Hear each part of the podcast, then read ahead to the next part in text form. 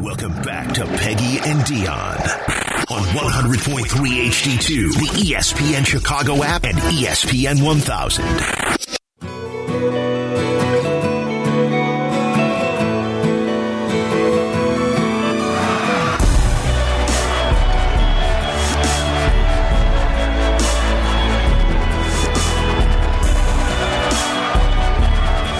Okay, this is so well played. I have to say it. Uh, Blackhawks head coach Luke Richardson is at the podium today for developmental camp wearing an obvious shirt that says Kyle from Chicago. That's great. So when that all came out, that man on the street thing, I went, I messaged the guys who posted it. Why can't I think of what what it's called? Penalty Box Radio.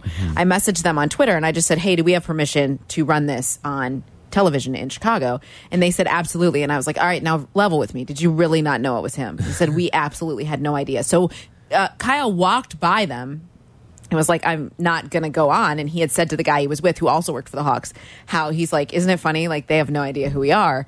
And then he's like, You know what? I am going to go back and do it. And so he did. And he had to wait for two Hawks fans, one wearing a Kane jersey, one wearing a Nick Hjalmarsson jersey. He had to wait for them to finish talking to him. And then he started, and they still had no idea that it was That's him. yeah. I mean, that's pretty lucky for him. Like you got two Hawks. Like, and here's the thing about drafts. And you've covered drafts before. Yes. You've been to drafts before.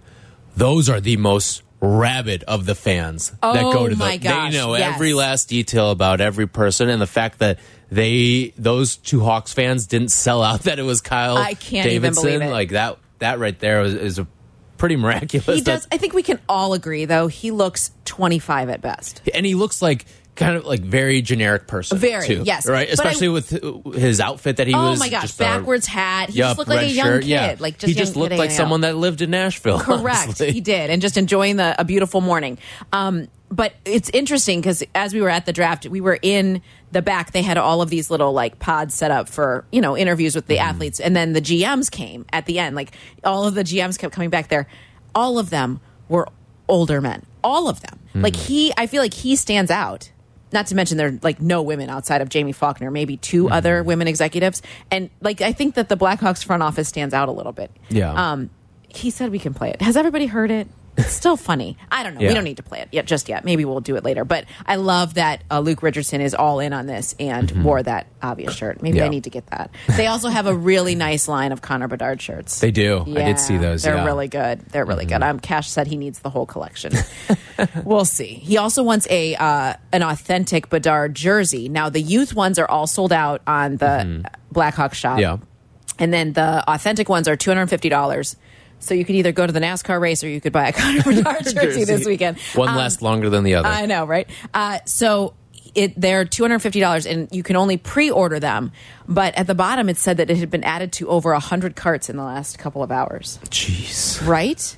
That's He's yeah. I so mean, I used to work at a, a shop that um, we had like the custom printing for Mm, jerseys in the mm-hmm. back, and I used to do that, and I did it during the cup runs. no way. So I was it was like Toews Kane, Toews Kane, Yeah. Toews Kane. We need a medium Kane. We need a large Toews. We need an Oh, XL. Oh my gosh. So I always loved Kane and Toews because it was four letters, five letters. Oh, easy. yeah. Uh, Kane, you have to slap the the C patch on it. But, yeah. But when someone came in and ordered a Hjalmarsson, they made my many- life hell. How many times although did I you will check say, the spelling? How many I- times? Early on, I did, but then like I, H J H J A L M A R S S O N. Yeah. I don't think it's an A. I thought it was an E. No, it's an A. It's an A. Yep. Man, I would have gotten this wrong. Those were the ones that would go on the sale rack, uh, Charlie. Oh my but yeah, when I when I worked up in Glenview at uh, at Dino's Sports Fan Shop, but he texted me today or uh, the other earlier in the week and was saying like the the press is running like like back in the Cup days Oh for no Bedard. way! Yep. That's awesome. I love that you worked there. I Yeah, love it that was shop. great. That It shop is great. awesome. It's a little overwhelming. There's is. so much There's in there. so There's much. so much in there. I stumbled in there one day. I had had lunch. I think at the Yard House. That's there, right? Mm-hmm. Yeah. I had lunch there, and then I was like, "Let me just look in here." And I was like, "I can't. I can't. It's too much. I can't like look around." But that place is really, really great. Um, we have Cash has a custom Bulls jersey that he got after we were at a Bulls game with his name and his Oh, number on the okay. Yeah, Love which it. I to- I figured it was worth the investment because I thought it will be really cool to frame it later when it Yeah. doesn't fit him anymore. But That's cool. Anyway, that is really cool. Um, okay, we were going to talk about. So I heard uh, I heard on the radio coming in, or was it last night during the game, that Tim Anderson hadn't homered since uh, July fifteenth of last year, and I was like, that can't be right. Tyler, that's right. Hmm. July fifteenth of last year. What is going on? It has been a rough year for Tim Anderson because like it's one thing that the okay the power isn't and it's not that you pay Tim Anderson for power. Um, he's only had a career high of 20 home runs over the course of his career, which isn't bad, but um, the average is like 80 points below what we're used to seeing out of Tim. An- I mean, even in some cases, like when he won the batting title back in 2019, we're talking about an 109 point drop from your batting average. And I'm wondering if it's getting to the point now with Tim Anderson where these pitchers are just they've got all these data points now on TA and they're sort of figuring him out. And obviously there's the mental stuff and what's going on maybe off the field as well that he's dealing with, but there's also the just maybe the the fact that he's getting figured out by pitchers and guess what? He doesn't walk. I know. He he does not walk and as a result of that, like you're going to not find him on base, and like we've seen the White Sox kind of shuffle him around the order, and like at a certain point, do you even consider dropping him even further down in the lineup? Wow, can you? I mean, it was a big deal when he went to second, when batting second. Yeah. Like it's just not. He's not producing in a way that you're used to with him. The mental errors are unbelievable, and and I, you know, I know Grifol has been asked in the past, uh, in the last month, I would think about does he need a mental break, and I don't think that he really felt like he did. I can't remember Yeah. exactly what he said, but um, I, I don't think that he was adamant that yeah, that's part of it. He made it sound like it was more just adjusting to or just going through the normal stuff of a season, right? Well, I mean, I don't remember specifically. He seems like someone that needs to find a new home. Yeah, at I this know. point, right? Like. Uh, It, it's starting to get to the point where Sox fans are turning on him, and he used to be like one of the only good things going for the organization. But like, there's a couple of guys. This could be a very new look White Sox team, and people can say, "Oh, like we saw Jerry, he's opting for continuity with the Bulls. Right. Why is anything going to change with the Sox?" But like, the, something has to be done here with the White Sox, It's and you not can working. and you can look at the games back all you want in the standings, but the fact of the matter is this is a 12 below 500 team. I know. And 12 I below know. 500, even if you do somehow make your way into the playoffs by by skating past a, a terrible, like a historically bad division in the AL I'm Central right now. Yeah. Even if you get into the playoffs, what's the point? Uh, correct. I'm actually like it bothers me that people keep talking about how bad the Central is. It doesn't mm-hmm. matter if the Central's that bad. Then find a way to be winning this. If you, if You're part of the talent, problem. You're part of the problem. Correct. And it's not like, oh, like they're in second place in a bad div- No, you're in fourth place in a terrible, In a terrible division, division. that doesn't have a single team over 500 right now.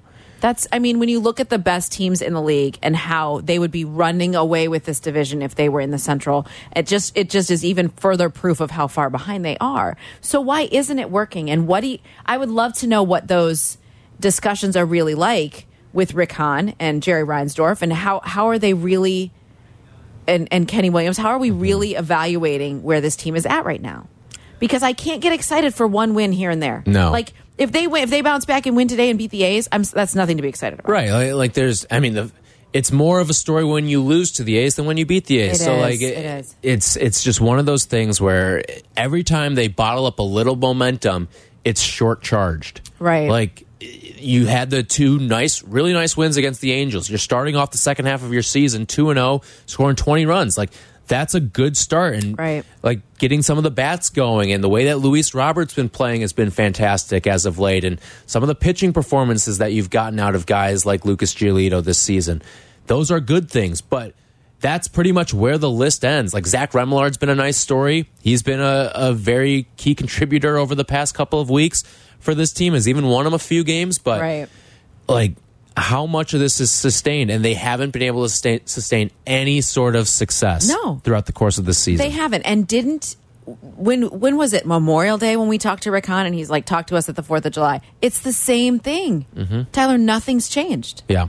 Nothing's changed. I, I don't see a, a path forward for this team to, to continue the way that they are. And you can say, I can't stomach another rebuild as a White Sox fan. But the, at the end of the what day, other choice do they have? y- you need to blow up the entire operation that's taking place right now on the South. There is not a single person in there who is running this thing the right way. Right. It doesn't No, matter uh, if it's, it's the front office, the ownership. I'm not going to throw it all on the manager because it's a first year person that that's that's in that dugout right now with Grifol. But like, there's nothing being done the right way, and those guys just don't seem like they're enjoying themselves right now. no, like they don't. They don't like you see a lot of these different teams, even some of the bad teams. But like the White Sox are still a young-ish team. Mm-hmm. Those guys should enjoy playing with each other. Those guys don't look like they enjoy playing with each other. No, they don't. There's it, it's something. There's such a disconnect with this group across the board, and I'm not sure what it is.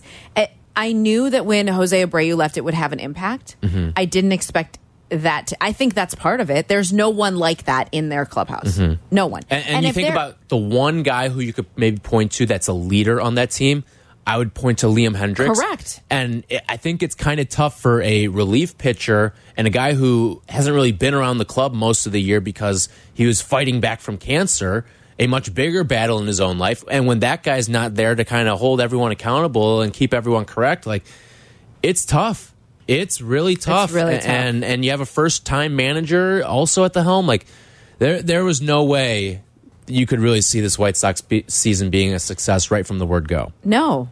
And and but yet they said all the right things. I remember in spring training it was like this is going to be our year because last year was such a disappointment. We've made the right changes. We got a new voice in Pedro Grifol who I think was handed like such a situation before he even got here. Like it just he's in such a difficult situation. And and that isn't fair for someone in their first managerial job. Right. I mean, but what what do you do? They needed they needed something different. They needed a different voice, and they all thought this would be the right move for them, and that it would help them take that next step. And it just hasn't. What What is that? What is, what is this group that isn't? What is it about this group that doesn't work together? And I, if they can't figure it out, which it doesn't seem like they can, change has to happen by the end of this month. Yeah. with the trade deadline, like it has to happen. It's it's really the the pieces, the collection, and just where you allocated your money as I- well. like right. Andrew Benintendi, I know he had the the double yesterday, but like he has been a nothing pretty much a for this team. And from a power standpoint, he's got one home run this season. Right. Um, Yasmani Grandal, the second biggest contract on this in this team's history. Um, he's having a little bit of a, a bounce back year, but he's been largely unimpressive over the course of his time with the White Sox. So all these different guys that Lance you, Lynn looks Lance Lynn, yes, done. Mm-hmm. another guy that you've invested some money in. Like the, these guys that you have have invested money in are not doing anything. And it's just, it really has been money not well spent. And for an organization that doesn't spend money from the get go, how are you supposed to win if the guys that you are paying to contribute for you are, are giving you nothing? I mean, I remember when they when they got Mike Clevinger and Jesse Rogers said, "I really feel like that's going to be their big move of the offseason. It wasn't, but here is the news that he won't return before the All Star break. Mm-hmm. Not that he was going to do anything grand and glorious, but it just is another sign of that they invested in the wrong thing. Yeah. That's it. It's, yeah. Um, uh, Ryan from Indiana, hang on. We're going to take a quick break, and we will get to you after this as we continue with Peggy and Dionne. One more segment, Tyler.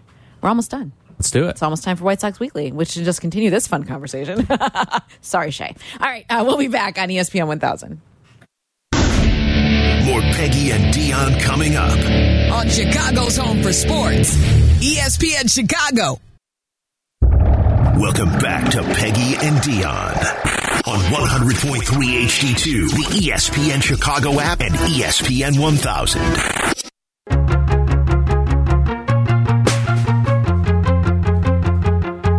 Peggy and Dionne brought to you by Advantage Acura of Naperville. Thank you so much to our friends at Advantage Acura of Naperville for sponsoring Peggy and Dionne. Peggy is in Wisconsin. I believe she's out next week too. I think it's just me and Charlie next week. That's we'll have fun. to tune in to find out. Oh yes, it's just it's a very small snack size.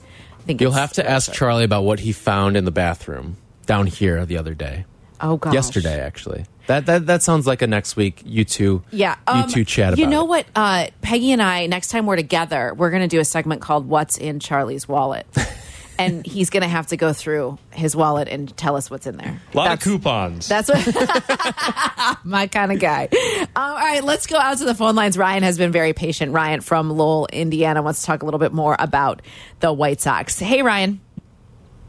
Hey, thanks for having me. I just want to say or preface this with I don't know if this would work, but the White Sox need to do this like now so they have a month before the trade deadline to find out if it would work.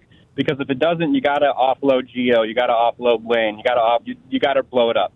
But in my opinion, if you get rid of Tim Anderson, as much as I hate to say it, because I used to love this guy a couple of years ago, I just really think he's changed and he he doesn't relate well to these guys in this clubhouse. It's kind of like, is it Tim Anderson's team or is it everyone else in the clubhouse's team? Mm. You know, and if you get rid of Tim and you got 30 days here or so to figure out if this team can come together and play as a team, you know, and, and really, you know, come together and have fun together. And then if they don't over those 30 days, then it's like, all right, well, you got your answer. You got rid of Tim already. You got something for him.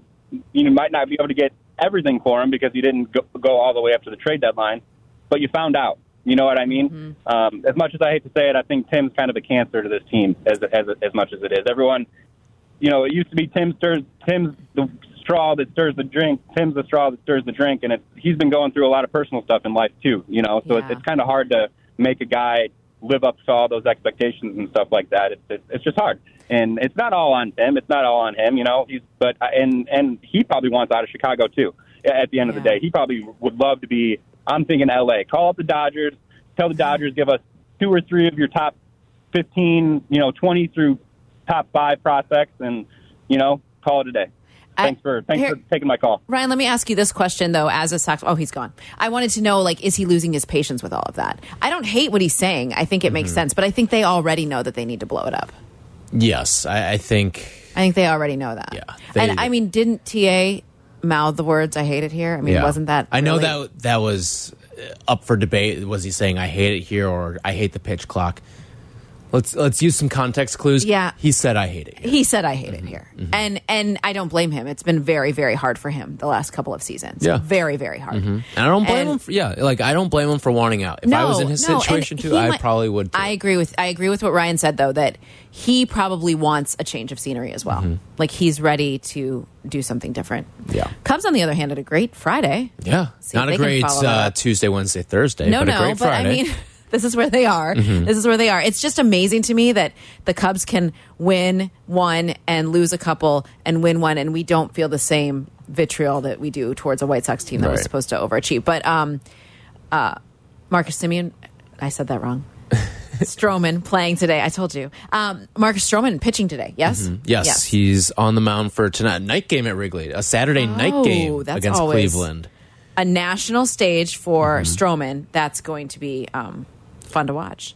Inconvenient for the news, but fun to watch nonetheless. I like the I like the weekend night games. Yeah, so do I. I. I. I always say one of my favorite things in in sports is Sunday night baseball because Yeah. it's, it's sort of a standalone event, and I remember like we would uh, a couple of my my friends we would like spontaneously wake up and be like, oh, Sunday night baseball's down in St. Louis. You guys want to make the drive down there? And No we'd make the drive down there. Cubs Cardinals. It, it was great. Oh, that's awesome. It was so much fun. I, I love going back to like what we talked about with NASCAR. Like there's something soothing about just having it on in the background. That's what I love about Sunday night baseball. Yeah. When my teams aren't involved. It's very hard when you're covering it, like to to be ready to do the news at 10 and they're on they're still playing and they're Mm-hmm. like navigating all of that. But um yeah, but I genu I enjoy Sunday night baseball. I love that you did that. That's very cool. It's been so long since I've been to like a, a baseball game. Like really long. Just to go. I'm going tomorrow. Actually, Are you? Yeah. Oh, good for you. Yeah. Um, yeah. I usually, um, we try to go to Cubs, White Sox, and Chicago Dogs at least once a year. Okay. I love the dogs. Yeah. Do you ever go out there? I have not been out Oh, there, but I am. Tyler, Fri- I'm friends out. with uh, Sam Brief. Sam Brief, yeah. Well, we're the, all the friends. best. He's the, the nicest best. guy in the world. the nicest guy in the Mm-hmm. world. Um, and he is their play by play voice, and he's very good at it. But it is, dogs games are the most fun. They're right, I'll really fun. My whole. Mm-hmm. family loves them. Like we look forward to it every single year. That park, They I've driven well. by it so many times. It looks so nice. It's so nice. I love day games. I love day baseball. so do I. Probably because I enjoy day drinking. I'm going to admit that. I do. I enjoy it. Yeah. Um, but I love day baseball. They do like an 11:30 game on a Wednesday during the summer, and it's awesome. They bring out all these camp kids. It's really fun. Mm-hmm. That's great. But it's been a minute since I've gone through that. Hopefully, I mean, I I expect. When do they announce pitchers for the All Star game? I think it's usually a little bit cl- like I think they announce the crop of pitchers and then they'll announce the starter because like they use the pitchers they try to tailor it around. All right, we want this guy to start in the All Star game, and so like the team will try to accommodate too because like you can't pitch in the All Star game and then having thrown on Saturday or Sunday. Right, right, You right, need that right. little bit of time, even though you're only pitching an inning or two. Um, but like Marcus Stroman, certainly in the conversation right now to be the starter in the NL. Absolutely. I, I mean, him. I don't think Justin Steele will be the starter in the NL, but, he could But definitely he could certainly be be, an all star as well. He's got the sure. lowest ERA in all of baseball right now. Um, but he had a great day yesterday. yeah. So uh, I, I would definitely expect to see both of those pitchers in the All Star game. They they'll probably end up being the only All Stars that the the Cubs end up getting, but those I are two pretty good ones. They they are two pretty good ones, and and I love that. I love that the Stroman thing has worked out. Like he has really embraced being here, and um and I know he's got a lot of other things going on with his wine label and charity and clothing, and I mean Mm-hmm. he does a ton of stuff. But I think it. I love that he's really in with the Cubs. Yeah. I, I love that he's wholeheartedly and I think it's it's really great. And same with like you know the the way that they brought in Dansby Swanson. He's embraced the the fan base, and they've embraced him. It's just been it's just been cool to watch. Yeah. I don't know. I like it. I, I I think he's been one of the great surprises of the season. Oh, Not that I thought he was like, uh, but he was like a a little bit better than middle of the road pitcher the last couple of years, Mm-hmm. uh, and, and at the end of his time with the Mets, and then the beginning of his time with the Cubs, and just to see him healthy. I know he's got the the blister, but he, he should be back and good to go. And